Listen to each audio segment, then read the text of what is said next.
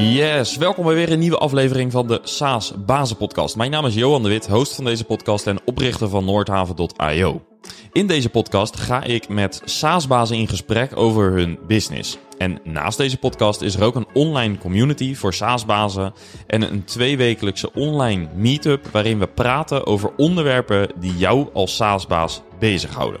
Ga naar saasbazen.nl voor meer info.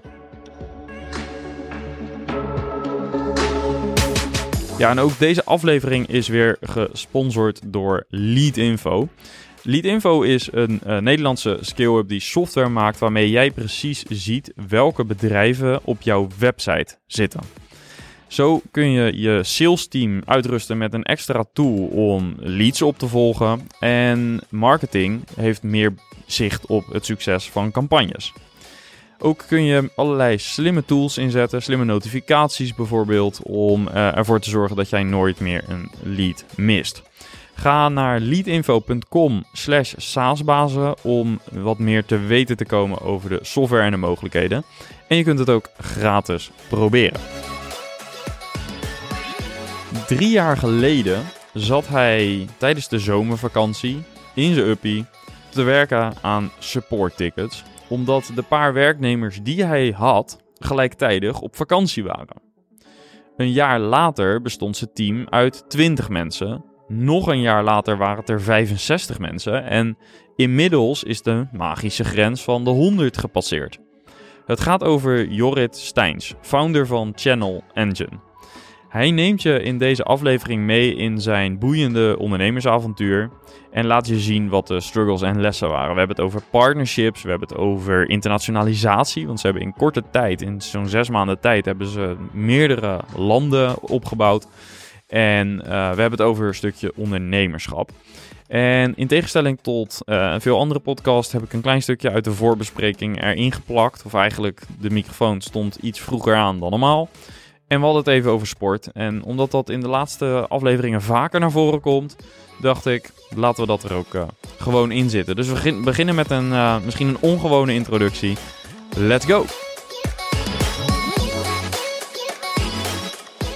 Ja, want op jouw LinkedIn-profiel zag ik uh, in je omslagfoto zag ik een vrij sportief blaadje van een kitesurfer. Dat ben jij denk ik. Ja, klopt. Ja. Wat ja. betekent dat kitesurfen voor je? Is dat echt die ontspanning? Of? Ja, kitesurfen is gewoon lekker, lekker buiten zijn, uh, volledig resetten in de natuur, uh, met vrienden, uh, lekker in de elementen. Dus ik hou sowieso van buitensporten. Ja, dat, ja helpt, ik, absoluut. Ik zag het water niet, maar volgens mij zat je vrij hoog. Je bent wel, ja, dat klopt. Je kan wel aardig, aardig ja, springen. Ja, ja. vet. Is het een beetje te doen hier in Nederland trouwens? Ja, Nederland is super daarvoor. Ja? Ja. Uh, eindeloze kust. Dus we gaan ook wel eens met een groep vrienden vanuit uh, Wassenaar naar uh, IJmuiden of dat soort tochten. Of oh, kortere vet. tochtjes. Ja. ja, dat is super. Ja. ja. maar dan ben je dus echt een paar uurtjes echt alleen maar daarmee bezig. Je Ja. denkt ook niet meer aan heel veel andere dingen, kan ik me voorstellen. Nee, en hoe je- harder het waait, hoe minder je aan andere dingen denkt. Ja, precies. Dat, ja. ja, want het is best eh, serieus uitdagend om qua concentratie, om de juiste dingen te blijven Nou, doen, je bent gewoon lekker in de natuur en aan het focussen op eh, de volgende golf of springen of. Ja, of, of de wind en omdraaien. ja. cool. Ja. Ja. Een soort meditatie. ja, precies. Ja. Met wat fysieke uitdaging. Ja. Absoluut. Eh, ja, normaal gesproken introduceer ik eigenlijk altijd de podcast iets anders. Maar misschien moeten we dit gewoon als intro gebruiken. Want ja, kennelijk sport is dus ook belangrijk voor jou. Dus eh, laten we dit gewoon ook gelijk als intro ja, gebruiken. lijkt me, lijkt me prima. Ja, zonder gezondheid kun je gewoon geen business bouwen wat mij betreft. Nee. Dan eh, is het moeilijk om vol te houden. Ja, nou met een van de laatste gasten, Jarel Habets van Schiphol, had ik het ook over sport. En daar, hij zei ook, dus je investeert veel tijd om aan je business te bouwen. Maar ja, je moet ook aan jezelf werken, want anders houdt het vroeg of laat ook een keer op. Dus ja. ja, het is een terugkerend thema. En uh, nou, uh, niet voor niks dat we daar ook uh, op uitkomen. Wellicht st straks verderop nog, maar eerst, ja. ik ga je nu aan de luisteraar nog even introduceren. Jorrit Steins van de Channel Engine. Um, mensen hebben het al in de aftiteling kunnen zien, maar nou, laten we toch even beginnen met Channel Engine, jouw bedrijf. Kun je ons even vertellen wat jullie precies doen? Ja, Channel Engine is een software as a service platform. Wat ervoor zorgt dat merken, groothandels en retailers uh, hun producten kunnen verkopen op uh, internationale marketplaces. Of rechtstreeks op hun uh, eigen direct-to-consumer shop. En Channel Engine zorgt ervoor dat je dat allemaal goed kunt aansturen. Dus dat je kunt bepalen welke producten verkoop ik waar, zijn ze winstgevend, automatische prijzen bijhouden, maar een hele orde integratie zit erin, voorraadsynchronisatie. Dus je kunt vanuit één voorraad en op bol.com en Amazon en Zalando verkopen, maar ook op je eigen direct-to-consumer shop. En Channel Engine zorgt er dan voor dat het allemaal synchroon loopt. En daaromheen zit een heel ecosysteem aan partners die je kan helpen om goed gevonden te worden op een marketplace, om producten voor je te versturen, om de koppeling te leggen, et cetera. Ja, dus enerzijds is het een soort van productivity tool, dat je eh, op, met, met veel minder handelingen op al die plekken zichtbaar bent. Absoluut. Um, en aan de andere kant is het een soort revenue enabler, dat je veel meer omzet kan maken omdat je op veel meer plaatsen zichtbaar bent. Ja, het, is, het zorgt voor de directe integratie, dus je hoeft niet meer te koppelen uh, los aan al die platformen. Maar vervolgens zit er een hele management studio in, waarmee je alles kunt aansturen, waarbij je je business profitable kunt, uh, kunt maken en houden en eigenlijk de omzet vergroten met minder mensen. Ja, precies. Ja, dat is als iets automatisering. Als het ergens belangrijk is, het wel in e-commerce, uh, denk ja, ik. Ja, zeker. Zelfs één klein ordertje, als die toch niet op voorraad blijkt, heb je een cancellation, worden klanten niet blij, krijg je een slechte rating op marketplace. Dus het gaat erom dat echt alles goed geautomatiseerd is. Ja, dat is een uh, behoorlijke puzzel, denk ik. We gaan vandaag niet al te diep in op het product. Want als mensen daar meer over willen weten, moeten ze denk ik gewoon even naar uh, Channel Engine uh, googlen. En dan komen ze al bij jullie uit. Absoluut. Um, waar ik wel nog even benieuwd naar ben, hoe ben je zo op, op dat idee gekomen om dat te gaan doen? Nou, ik zit zelf al ruim 18 jaar in de e-commerce. Dus een business opgebouwd waar we webwinkels bouwden voor retailketens, kleinere webshops, grotere webshops. Um, en ook als side business eigen webwinkels begonnen. Uh, begon een beetje als een side business. Dat uh, groeide uit tot uh, 65 man, en drie eigen magazijnen en 75 webwinkels. Oké. Okay. dus dat eh, was aardig lekker doorgegroeid. En daar hadden we van die zoekmachine optimalisatieshops. Dus die werden goed gevonden in Google. En op een gegeven moment dacht ik, ja, we hebben voorraad van producten, we versturen ze al. toen zijn we voor loyaliteitsprogramma's gaan dropshippen. En toen kwam Amazon op. Toen zijn we op Amazon gaan verkopen, bol.com en eBay. En dat was geen goede tool om die integratie te doen. Dus dat, onze development teams deden dat op maat. En ik wilde dat commerciële teams konden sturen op marge, automatisch reprice, bepaalde producten uitsluiten, want die mochten we niet verkopen op marketplaces of ze waren niet winstgevend. Ja. Toen dacht ik, ja, dit is wel de toekomst van e-commerce, hier moet iets voor komen. Dus uh, ik heb mijn vorige bedrijf verkocht en toen uh, parallel begonnen met een heel klein teampje om uh, Channel Engine te bouwen. En dat kost altijd veel meer tijd en veel meer werk dan je denkt van tevoren. En ja, inmiddels is dat flink aan het groeien. Dus we hebben ook de tijd gehad om het goed ja, volwassen te maken qua product. Ja, je zei Volgens mij uh, was dat de toekomst. Ja. Was iedereen het daarmee eens? Nee, niet echt. Nee, toen, toen ik begon met um, Channel Engine uh, was de visie ook dat veel merken direct naar consumenten gingen verkopen, ook op marketplaces. Uh, en dus ik benaderde veel merken en ik zei, joh, uiteindelijk gaan jullie direct op marketplaces verkopen en direct to consumer op shops. Die zei, nee, retailers doen dat. En veel retailers die ik benaderde, die zeiden, nee, maar Bob.com is concurrent en Amazon ook. En gelukkig waren er wel genoeg winkels die dat wel wilden. Een aantal van daarvan helemaal van het begin zijn nog steeds klant. Maar uh, dat heeft wel even geduurd. Ja, is dat ook de reden dat je zegt van nou, het heeft even geduurd om in die eerste jaren tractie te krijgen? Was het dat de markt er misschien nog niet helemaal klaar voor was? Wel, de markt was nog niet klaar voor wat wij aanboden. Nee. Uh, dus dat uh, heeft even geduurd. En ik zag de omslagpunt zo'n beetje in 2018 beginnen. En dat is ook toen ik voor het eerst een externe financieringsronde heb opgehaald. Ja. Toen zat ook maar een heel klein team. Ja, in de zomer.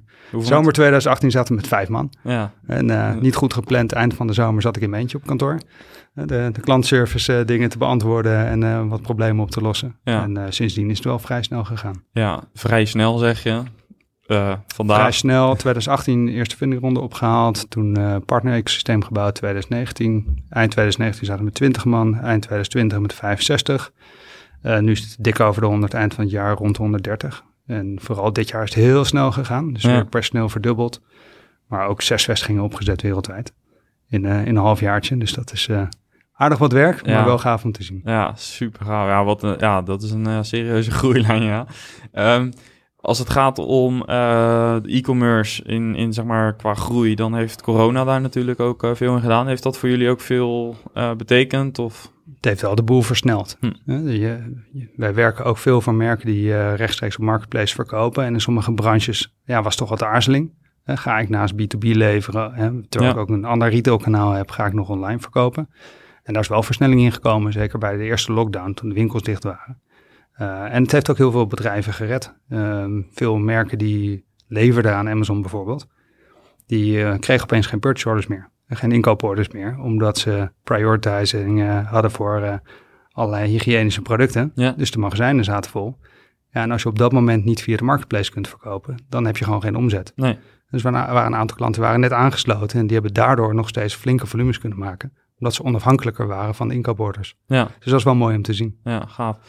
En uh, je zegt, we hebben daarna een, uh, we hebben eerst ook aan een partnernetwerk gesleuteld. Het tweede jaar zou je een beetje kunnen zien als corona, 2020.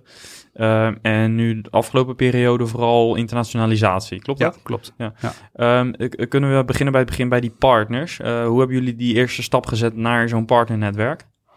Ja, ik heb iemand aangenomen destijds die verantwoordelijk was voor het opbouwen van het partnernetwerk. Die is nu ook Head of Sales en Partnerships.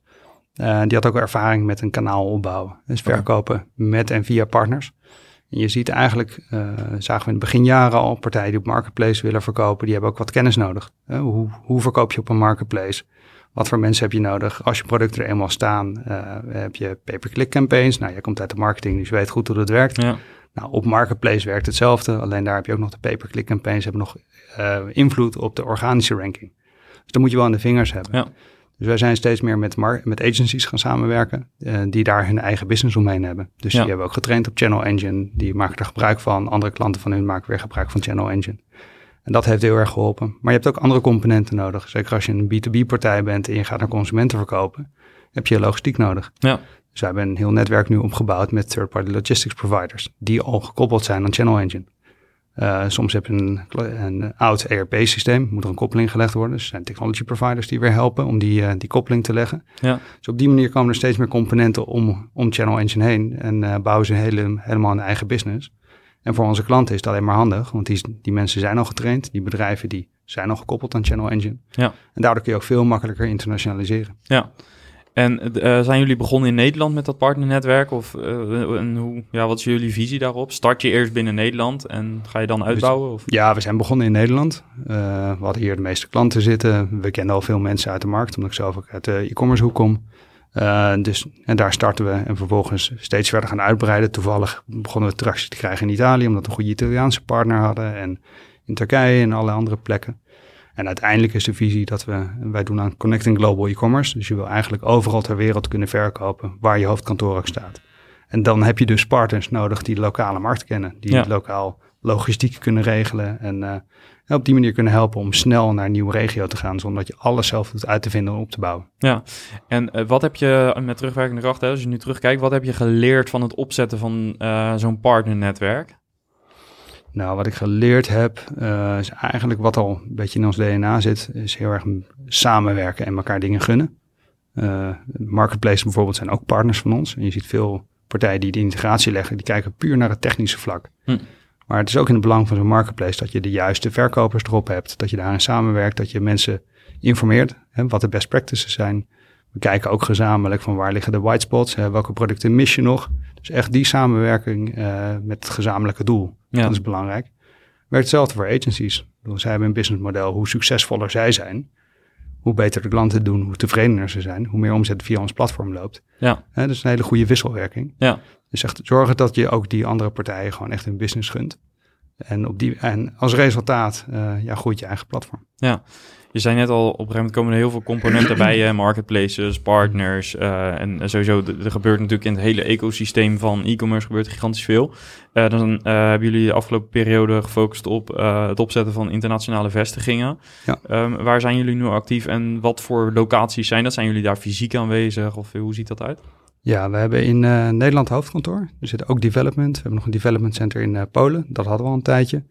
En wij hebben dit jaar de vestiging opgezet in, uh, in New York, in Dubai, Singapore en in Melbourne. waarom die locaties?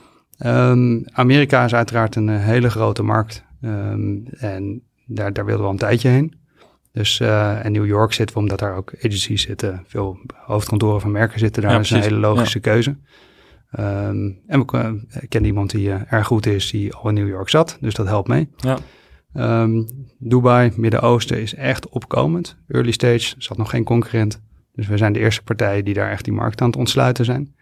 Uh, plus het is een interessante markt, zeker voor uh, high-value uh, merken. Hoe, hoe verklaar je dat trouwens, dat er weinig concurrentie daar is? Dat e-commerce heel erg achterliep. Oké. Okay. en dat is echt versneld tijdens corona, maar het is echt een shoppingmall cultuur. Dus, uh, en elkaar leren kennen en fysiek aanwezig zijn. En e-commerce is daar aan het versnellen. Uh, en uh, Zuidoost-Azië is, een is een mooie markt. Australië, Nieuw-Zeeland. En we hebben Rusland ontsloten. Dus daar hebben we de eerste marketplaces. En we kijken wel, en waar moet je fysiek zitten? Nou, sowieso zit je dan met tijdzones. Dus wij hebben nu door de hele wereld drie tijdzones om support te doen. Dus we zitten in Filipijnen met een support center. We zitten in US-tijdzone met een support center. En commercieel zitten met hubs lokaal om goed met die partnerships op te bouwen. En dat zijn echt partnermanagers en, en sales. Dus dat, uh, daar zijn we rustig aan het opbouwen en per regio komen er steeds meer mensen bij. Ja, je kiest voor het woord rustig, maar ik hoor, dit heb je in uh, zes maanden gedaan of zo. Ja, klopt. Voelt het rustig? ja, dat voelt nog wel rustig, ja. Oké, maar er gaat meer komen dus. Ja, maar als je, als je ziet hoe hard die markt ontwikkelt, uh, hoe snel de omzet ontwikkelen en hoe, uh, hoe goed we omarmd worden. Als we ergens in de regio komen, dan is het nog rustig. Um, met name omdat ik wil zorgen dat als we heel hard sales gaan doen in de regio, dat we ook de support kunnen bieden en het onboarding kunnen, goed kunnen doen. Ja. Op het moment dat je in één keer alleen maar commercieel gas geeft, ja, je moet het wel waar kunnen maken. En de Ja. behoefte is groot, maar er zitten ook best wel complexe technische integraties en processen. En je hebt mensen nodig die die kennis hebben om dat, uh, dat goed op te kunnen zetten. Zowel uh, bij ons als bij de klantzijde. Ja. Dus, En eh, kun kun je iets vertellen over hoe jullie dat dan specifiek gedaan hebben? Dus bijvoorbeeld zo'n New York vestiging, nou daar kende je dan iemand, dus misschien niet het goede voorbeeld, eh, maar een ander voorbeeld, Rusland bijvoorbeeld. Eh, wat is echt praktisch daar je appro- eh, approach? Heb je daar mensen aangenomen of heb je mensen vanuit Nederland daarheen gebracht? Hoe, hoe ziet dat uit? Nou, bij Rusland is een voordeel dat er best wat Russische mensen in Nederland wonen. Dus we hebben iemand aangenomen die heeft bij Yandex gewerkt in, uh, in Rusland. Uh, dus dat, en die was naar Nederland verhuisd. Uh, onze marketing projectmanager was al Russisch. Dus dat helpt. Ja, oké. Okay. dus, en Rusland, zeker Moskou, is niet zo ver weg qua tijdzone. Dus dat doen we vanuit Nederland. We hebben ook nog geen grote hub. We hebben de eerste marketplace live en de volgende rollen daar achteraan. Um, dus dat deden we net iets anders. Zuidoost-Azië hebben we wel gezegd van nou laten we in een centrale plek kiezen. Maar ook daar kende ik weer iemand. Uh, ooit door Google uitgenodigd naar Shenzhen in China. Goede kerel leren kennen. En uh, had ik vorig jaar contact mee. En die wilde graag uh, iets nieuws gaan doen. Dus die is dat op gaan zetten in Singapore. Dus uiteindelijk is nu naar het Nederlands hoofdkantoor gekomen. En zijn ex-collega is nu in de lead in, in Singapore. Dus, ah, cool. En, dus zo en, werkt dat wel organisch met de juiste mensen. Ja, en, en is zo iemand dan country manager? En, en wat, zijn dan, wat is dan het mandaat? Dus wat gaat zo iemand doen? Uh, en, en, wat ligt er bijvoorbeeld bij jou of bij het uh, managementteam nog op het bord? Nou, we, we, bouwen echt bewust een wereldwijd uh, bedrijf. Dus niet met vestigingen die alles zelf doen. Uh, dus het customer success team uiteindelijk wereldwijd zit in hetzelfde team. Sales en partnership zit in hetzelfde team. Dus er zijn partnermanagers die lokaal connectie maken. Maar we hebben ook een aantal partnermanagers voor logistiek bijvoorbeeld, die doen het wereldwijd. Ja. Dus die werken echt samen, staan in dezelfde stand-up calls en, uh, en delen die kennis. Ja. Dus we hebben niet een directeur van een regio waar vervolgens alle disciplines zitten. We proberen zoveel mogelijk wereldwijd uh, dekking te houden zonder grenzen. Ja, want nou hadden wij tijdens de SaaS Bazen Barbecue hadden we een van de thema's was het opzetten van een dev team in het buitenland. Ja. Uh, nou, er waren een aantal, een aantal mensen die daar wat over hebben gezegd en gevraagd. En een van de thema's of een van de vragen was als ik nou een dev team, maar dit is ook van toepassing op allerlei andere uh, vakgebieden. Maar als ik een team ga samenstellen in het buitenland. Um, en ik wil natuurlijk wel op een bepaalde manier dat er goede integratie uh, ook plaatsvindt in het team. Dus op cultureel niveau en praktisch niveau. Uh, moet ik dan een mix maken, zeg maar? Dus stel, ik heb teams van acht mensen. Maak ik dan een mix tussen vier mensen uit dat land en vier uit dat land? Of misschien nog wel meer gemixt? Absoluut. Of uh, is het een zelfstandig team in dat land en uh, opereren zij ook daar als zelfstandig team? En hier, wat, wat is jullie aanpak of visie daarop? Nou, onze aanpak bij development doen we dat al een tijdje. Heel bewust ook echt nearshoring. Dus we werken in, uh, in Polen. Uh, ik vind dat de cultuur ook heel erg aansluit. Dus developers die daar zitten, die denken goed mee en zeggen ook duidelijk hè, wat er anders kan of hoe ze er tegenaan kijken. Heb je in andere landen andere ervaringen? Ik heb wel eens ervaring in India. En dan moet je het zover specificeren dat ik het sneller zelf had geprogrammeerd. Ja, zeg precies. Maar. Ja. Uh, dus en die output was minder. Dus uh, dat was maar één meetpunt. Uh, maar het cultuurverschil is er wel. En er wordt vaak ja gezegd. En ja, dan is maar afwachten wat er aan, aan resultaat komt. Um, maar als je gaat kijken naar de teams. We hebben bewust een goede balans tussen teams in Nederland en in Polen. En daar hebben we meerdere development teams. En elk development team zit tussen zowel Polen als Nederlanders. Ja. En bewust om te zorgen dat je geen over de schutting effect krijgt. Of een aparte afdeling die misschien denkt dat hij altijd rotklusjes krijgt, uh, et cetera. En dan ben je ook gewoon een onderdeel van het team. Ja, en dat is dus eigenlijk bij die landenteams dus ook zo. Dus de, uh, die, die werken voor een deel, zijn ze verantwoordelijk voor wat lokale dingen, maar daarnaast hebben ze ook... Werken ze uh, direct samen en met name ook omdat wij ook wereldwijde klanten hebben. Dus het is niet uh, een klant in Australië verkoopt alleen in Australië. Nee. Australische klanten die Amerika verkopen, Europese klanten die in Zuidoost-Azië willen verkopen, et cetera. Dus je moet ook gezamenlijk die klanten kunnen bedienen. Ja, Um, wat heb je tot nu toe? Is er een bepaalde fout die je kan herinneren vanuit dat uh, internationalisatieproces waarvan je zegt van nou, die moest ik herstellen of daar kwamen we te laat achter? Um, onderschatten wat voor papierwerk er allemaal bij komt kijken en hoe lang dat duurt.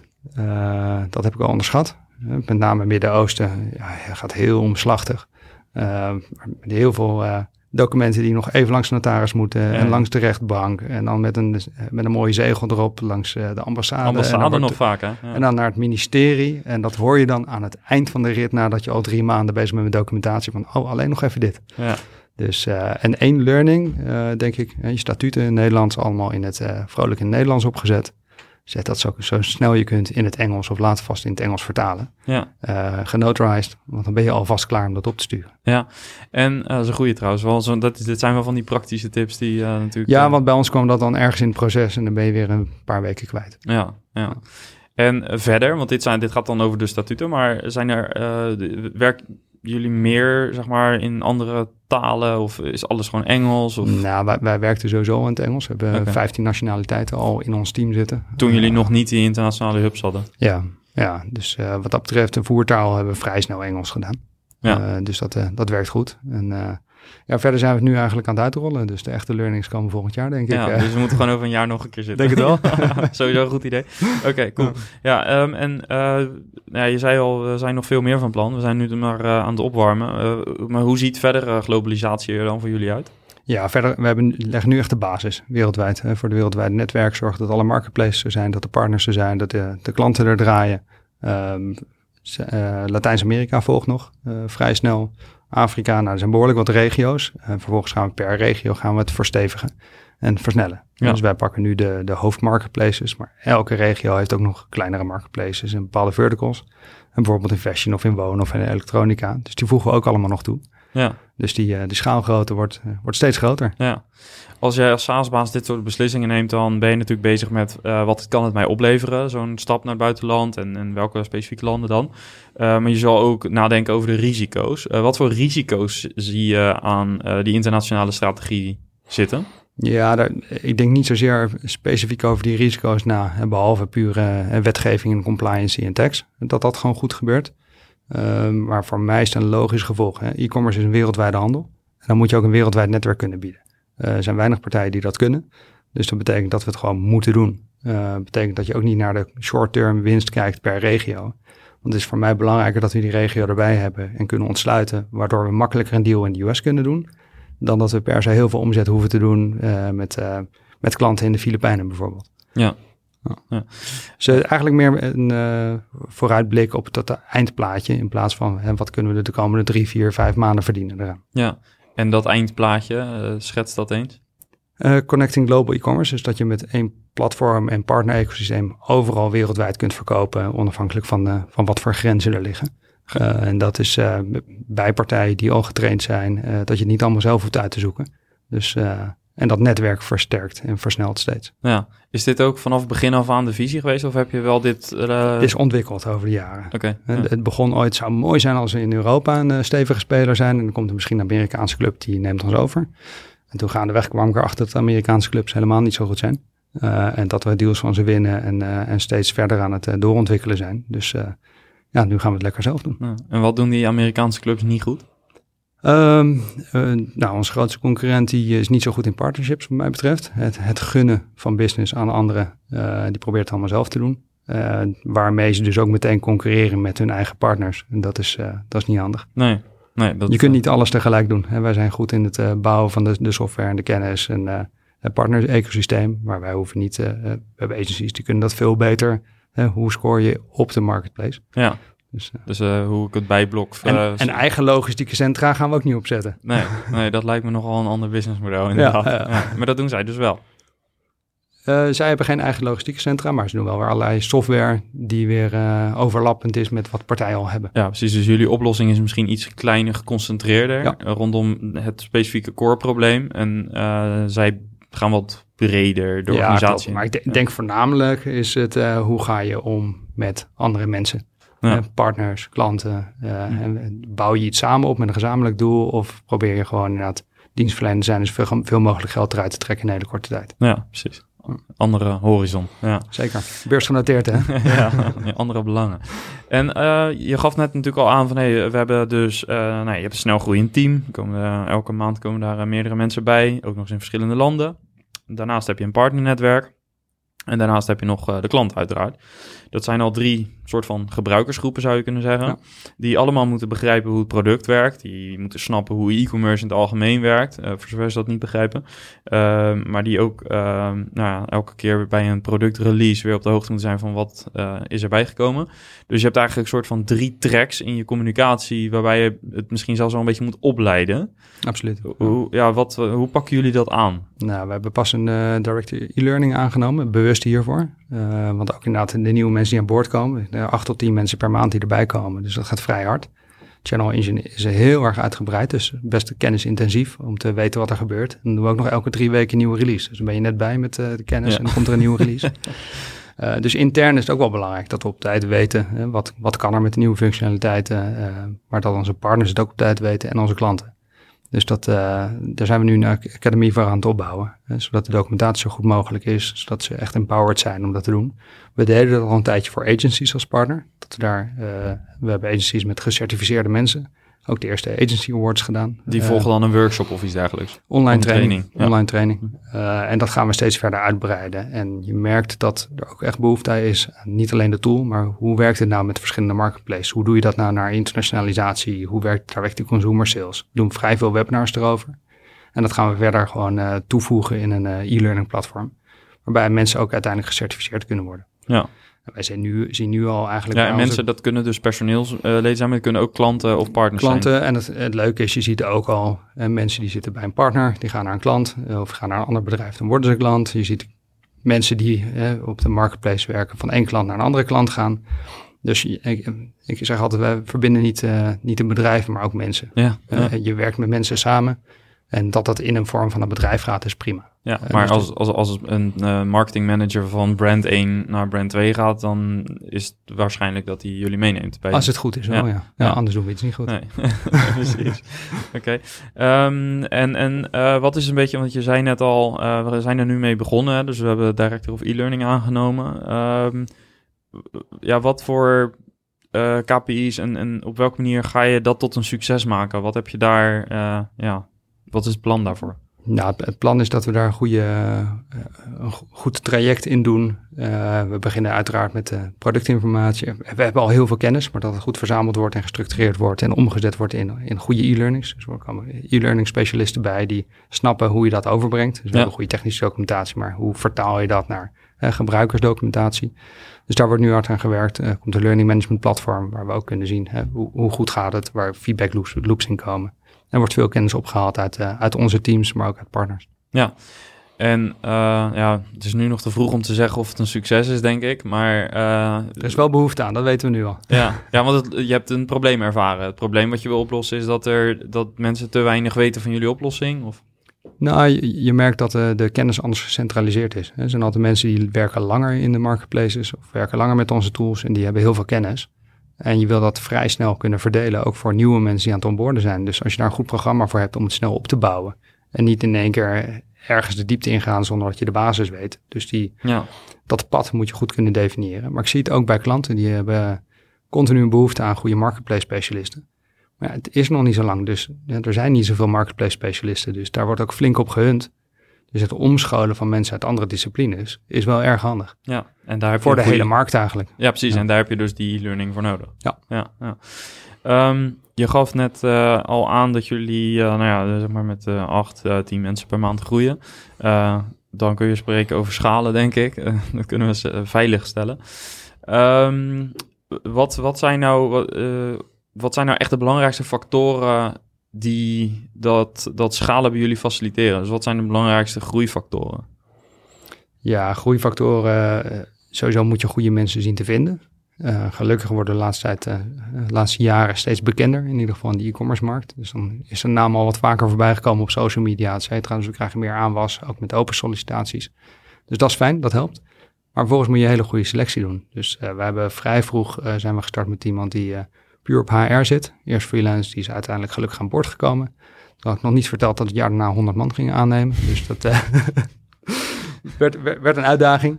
Uh, maar uiteindelijk hebben we, een team, hebben we team van drie mensen op HR zitten. Uh, die we zowel met recruitment als gewoon puur de HR-processen bezig zijn. Van onboarding accounts aanmaken, contracten. En wat er wel de uitdaging is op het moment dat je dan zegt, dat is leuk. in Nederland weten hoe het werkt, maar we hebben hier een kandidaat in Dubai. Kun je dat even regelen? Ja, daar zijn de regels weer net iets anders. Ja. Visums, hoe doe je de payrolling? En dat, zo gaat het in elk land. Dus ja. dat, maakt het een uh, steile leercurve ook voor ons HR-team. Ja, nou, die komen wel op een mooi moment binnen dan. Absoluut, ja. maar 1 op 30 dan nu ongeveer, die frequentie, zal dat, die verhouding zo blijven? Of? Ja, het is iets ja, meer al. Vind, vind ik moeilijk te zeggen hoe, hoe die verhoudingen... Kijk, op een gegeven moment ga je de processen wel automatiseren. Ja. Betere tools inzetten en het is nu ook veel dual uitvinden in verschillende regio's. En op een gegeven moment heb je daar ook standaard contracten. Ja, precies. Dus uh, Ja, dat zou eh, uiteindelijk een beetje moeten nivelleren. als het goed is moeten we het afvlakken. Ja, oké. Ehm, dan ben ik ook, eh, natuurlijk, eh, ja, als ik dit hoor, ben ik benieuwd wat eh, voor jou betekent, voor jouw rol. Eh, als je drie jaar geleden in je eentje nog de support zat te doen eh, in de vakantieperiode en je bent nu, eh, je hebt nu een managementteam, eh, verschillende landen, dat is nogal een groot verschil in een korte tijd. Eh, welke persoon moest jij worden? Eh, wat moest je ontwikkelen om eh, die groei te kunnen faciliteren? Ja, de, de rol verandert hard. Gelukkig heb ik al eerder bedrijven gehad. Vorig bedrijf was tot 65 man gegroeid. En daar heb ik ook echt geleerd dat je de rolverdeling goed moet doen. Dat je mensen om je heen moet verzamelen die beter zijn in bepaalde disciplines dan jij. En alleen dan kun je het gewoon goed schalen. En ook gewoon zorgen dat je dingen aan ze over kunt laten. Ja. Zonder te veel micromanagement. Ja, dus eigenlijk, uh, het gaat er niet per se om wie jij moet zijn, maar het gaat erom Wie, welke om mensen... wie je om je heen hebt die Ja. jou aanvullen. Uh, maar toch kan ik me ook voorstellen dat, uh, ondanks feit die 65 mensen uh, binnen een webshop, dat, nou, dat is een serieus aantal, denk ik. Um, maar nu sta je wel aan de vooravond Dit van is wat nog, anders, ja. dit is wel een ander level. En dit gaat ook nog veel sneller doorschalen, want wat je nu Absoluut. denkt doormaakt, dat zou je met een webshop niet zo heel snel kunnen, denk ik. Nee, klopt. Um, dus, dus wat vraagt dat van jou als leider? continu eh, eh, eh, kijken hoe je moet aanpassen. Eh, doe je de dingen nog die je zou moeten doen? Of eh, had je dat eigenlijk al lang uit handen moeten geven? Eh, waar besteed je nu tijd aan waar dus eigenlijk niemand voor is? Dus continu de mensen om je heen verzamelen. En we zijn nu wel echt aan het kijken van met de mensen die we erbij hebben, proberen we zoveel mogelijk ervaren mensen aan boord te halen die al grotere bedrijven hebben gerund. Zodat je niet al die learning zelf hoeft te doen. Ja. Dat, dat helpt absoluut. En uh, gebruiken jullie bepaalde methodieken om de uh, organisatie te stroomlijnen of bepaalde meetingstructuren, dat soort dingen? Nee, eh, dat uh, zijn we mee aan het experimenteren. We zijn nu steeds meer naar scaling up aan het kijken Ja. en daar stukken van over aan het nemen. Maar dat, dat is in beweging, Ja. laten we het zo zeggen. Ja. Zeker als managementteam, ik bedoel, een aantal maanden geleden zaten met z'n vier en nu met acht. Dus dat gaat ook vrij hard. Dus Ja. dan heb je in één keer een hele andere dynamiek, hele andere onderwerpen die je op tafel krijgt. Want dat je daarnaar aan het kijken bent, wat is daar uiteindelijk de, de oorzaak van? Wat, wat, welk probleem ervaar je nu wat je zich graag zou willen oplossen? Nou, wat je wil oplossen is dat je niet met te veel mensen in een meeting zit over een onderwerp waar de helft niks bijdraagt. Hm. Dus je wil gewoon een, een goede meetingritme uh, hebben. En met name gaat het eigenlijk met schalen om communicatie. Hè, wie bespreekt met wie wat? En uh, je wil niet dat alle informatie inderdaad uh, alleen maar via een manager en met een andere manager wordt besproken. Je wil ook dat de informatie vanuit een management team meetings goed terugkomt bij de verschillende teams. Uh, maar ook dat er geen filterlaag tussen komt te zitten. Dat als er iets gesignaleerd wordt, dat, dat je in een managementbubbel komt. Dus, uh, ja, Want dat ervaar je nu wel eens? Dat ervaar je wel als je hard groeit. En je kunt niet overal tegelijk mee, uh, mee bezig zijn. Je kan niet iedereen meer spreken. En gelukkig zitten er altijd mensen vanuit het, het begin die zeggen: Yo, heb je dit gehoord? En dat helpt. Ik vind het, vond het lastiger tijdens de groei met corona. Want we hebben, toen de lockdown was, hebben, we- zijn we van 20 man naar 65 gegaan. Ja, dan spreek je elkaar minder en zeker niet informeel. En op het moment dat je elkaar informeel spreekt, komen er andere dingen. Maar als je even bij wil kletsen ja, en je gaat er een videocall voor plannen, dan wordt het opeens weer officieel. Ja. Dus dat, eh, Ja, dus de, de spontaniteit is eruit. En de, weet Ja. je, de, de, de dingetjes die je in de wandelgangen normaal opvangt, dat mis je nu. Ja, en dat gaat nu. ja, we zitten steeds meer op kantoor. Dus eh, we hebben ook extra kantoorruimte gehuurd, zodat ieder- iedereen ruim op kantoor kan komen. En dat helpt wel. Ook met onboarden. We hebben in het begin geprobeerd iedereen via videocalls te onboarden. Maar dan hou je net even die nuances en kleine vraagjes heb je dan gewoon niet. Nee. Dus ik vind het wel prettig dat het kantoor gewoon lekker open is. Ja. Dan, eh, Ja, ik hoorde zelfs dat jullie een reboarding programma aan het opzetten zijn. ja, of er zelfs al mee bezig zijn. Die eh, komt over twee weken aan. Ja. Dus eh, we hebben veel mensen geonboard tijdens eh, de lockdown. Eh, Zo'n nieuwe eh, Customer Experience Manager die eh, heeft de hele processen doorgelicht. En die kwam met het goede idee om een reboarding programma te gaan doen. Dus dat we over bepaalde facetten weer opnieuw gaan kijken van hoe kunnen we het beste inrichten. Maar ook met z'n allen een, een fysiek event. Dat is ook mooi. Ja, dag daarna een feest. Dus leuk. Ja. Ook niet onbelangrijk. wel zin in. Ja. Ja, snap te, ik. te lang geleden. Ja, nou, het is heerlijk. Ja, ik merkte dat bij de Saasbazen barbecue ook. Dat het voor veel mensen, ook voor mij, was het weer de eerste ja, fysieke bijeenkomst. En eh, ja, dat, eh, dan merk je wel wat je gemist hebt. Ja, Ja, dat zoomen zo was dat. hè. Allemaal Ja. zoomzombies geworden. Ja, heel erg zat. ja. het heeft ook een hoop gebracht, maar eh, ja, het is fijn dat het allemaal weer een beetje kan. Nou, het heeft de internationale uitrol wel versneld. Want als ik overal heen had moeten vliegen om Ja. alles op te zetten, dan dit ging gewoon veel sneller. Ik kon gewoon 's ochtends een call hebben met Singapore en dan via het Midden-Oosten zo door naar Amerika. Dus dat is wel handig. Ja. Nou ja, en dus dat ook de hele wereld dat dus wel ook... Kijk, we konden ook niet heel veel anders, maar dat is nu dus geaccepteerd. kennelijk kan. Ja, het, het, scheelt natuurlijk wel uh, ook uh, in die zin heel veel tijd. Maar dat persoonlijke, dat uh, is wel lastiger, ja. Ja, dus ik ben blij dat het uh, weer wat gezelliger wordt. ja, ga je ook weer meer vliegen dan nu? Jawel. Ja. Dat zal weer, ja. ja. Uh, wat, wat brengen dat soort reizen jou? Ja, ook wel inzicht hoor. Dus op het moment dat je ergens anders bent, van de kantoorplek af, kun je toch op een andere manier weer naar dingen kijken. Nieuwe mensen ontmoeten en ja. het netwerk uitbouwen. Ja. Ja, nou ja, dat is wel grappig, want je zei eigenlijk al, dat dus in uh, New York en ook uh, in het oosten, in uh, China, waar je die persoon was tegengekomen, die komen dus wel uit dat soort momenten. Wat ja, wel, klopt. Dus, dus ja. kun je toch wel zien hoe belangrijk dat is. Dat zou online misschien toch iets minder snel, dat je die connectie op dat niveau hebt, dat je iemand in je bedrijf haalt. Absoluut, en je hebt ook een andere band, hè? Of je met iemand hebt staan uh, borrelen bovenop een uh, hotel ergens in Hongkong, of dat je iemand een keer in een Zoom-meeting hebt ja, gezien. Ja, dat is echt totaal anders. Ja. ja. Hetzelfde heb ik altijd met sporten. Als je met mensen gesport hebt, dan heb je ook altijd... En dat geldt ook voor uh, reisjes, dat soort dingen. Absoluut. Dan, uh, uh, ja, het zijn vooral die, die tussenwachtmomenten. Dan raak je goed met elkaar in gesprek. Of in het vliegtuig zit je naast elkaar. Ja. Of in de taxi of in busjes of in auto's. En, ja. Ja, dus wat dat betreft zijn groepsreizen ook altijd goed. Zeker ook met andere ondernemers. Maar ook gewoon überhaupt mensen uit de, uit de SaaS-business. Ja, ja. Dat is leuk wat jullie aan het doen zijn. Ja, zeker. Nou, de, de, ik hoop dat we dat ook echt wel kunnen gaan doen. Dat we niet alleen een event, een eendaags event... maar dat we ook inderdaad weer echt straks reisjes kunnen gaan maken... met uh, kleinere groepjes of misschien grote. Ja, dus we gaan met z'n allen snowboarden? Nee. Nou, dan, dan, dan, mag ik niet gefilmd worden, want ik ben een verschrikkelijke brokkenpiloot. Dus dan moet ik even een beetje gaan oefenen. We moeten juist filmen, toch? ja. Nou, het zou in ieder geval leuke content opleveren. Ja. nou, het lijkt me leuk. Maar snowboard, ja, je, je houdt van weekboarden, dus, ja, of uh, uh, kitesurfen. kitesurfen dus. ja. Maar dan, dan kan je alles op een boord waarschijnlijk. Ja, dat, uh, ja toch? Dat werkt wel een beetje zo, toch? Ja, het lijkt heel erg op elkaar. Ja, precies. Ja. Nee, ik ben met dat soort sporten gelijk een, echt een enorme brokkenpiloot. Maar misschien... Ja, dat is fijn voor Dumpert. misschien wel leuk. Ja, ik word wel een hit op Dumpert dan waarschijnlijk.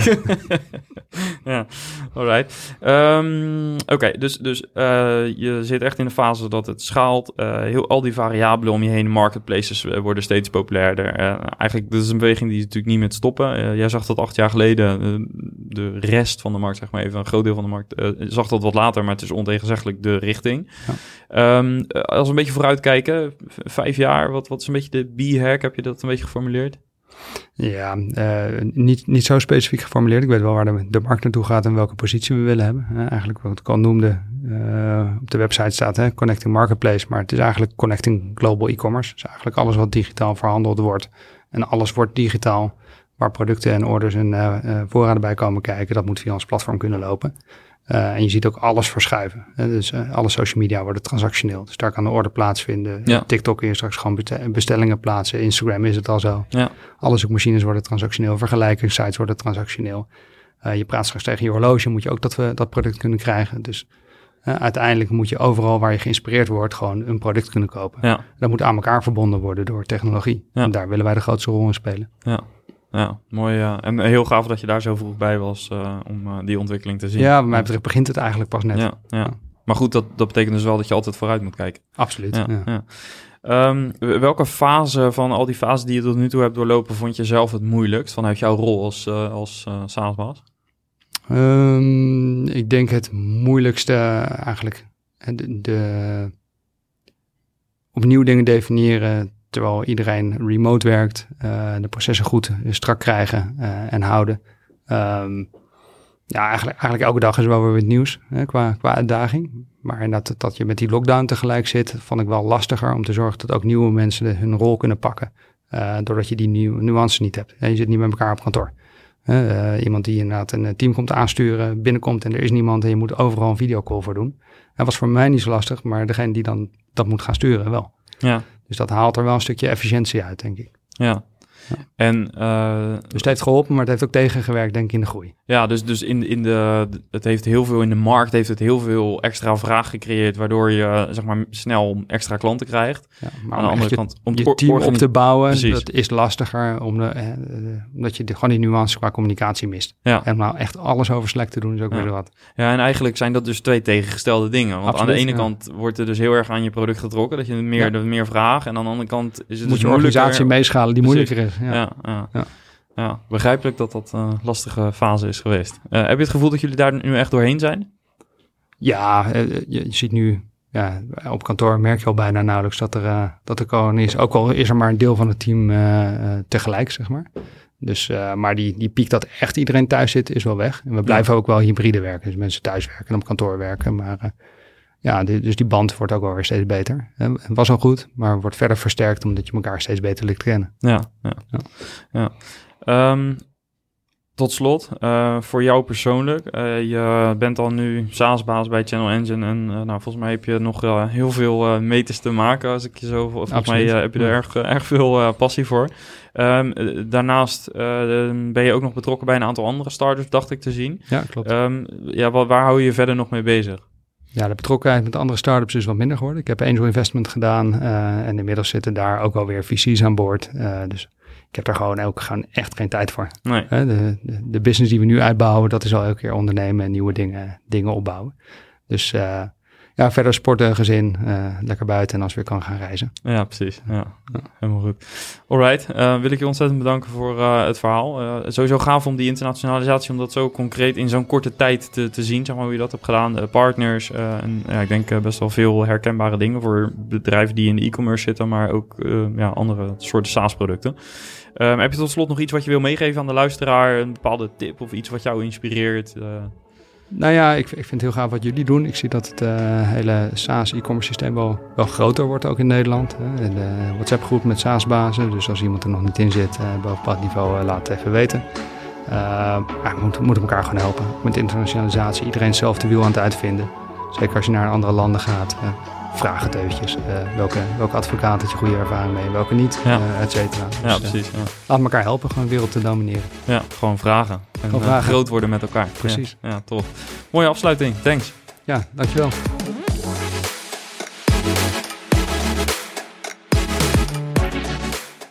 Yes, en ben je op zoek naar meer inspiratie? Schrijf je dan in voor de SaaS-bazen Meetup. En luister niet alleen naar het laatste SaaS-nieuws, maar krijg ook een inkijkje in case studies van andere SaaS-startups en scale-ups. En neem zelf ook actief deel aan het gesprek. Ga naar saasbazen.nl en klik op, op Meetup voor meer informatie. Bedankt weer voor het luisteren. Laat een review achter om ons te helpen om de podcast steeds beter te maken. En hopelijk tot volgende week. Bye bye.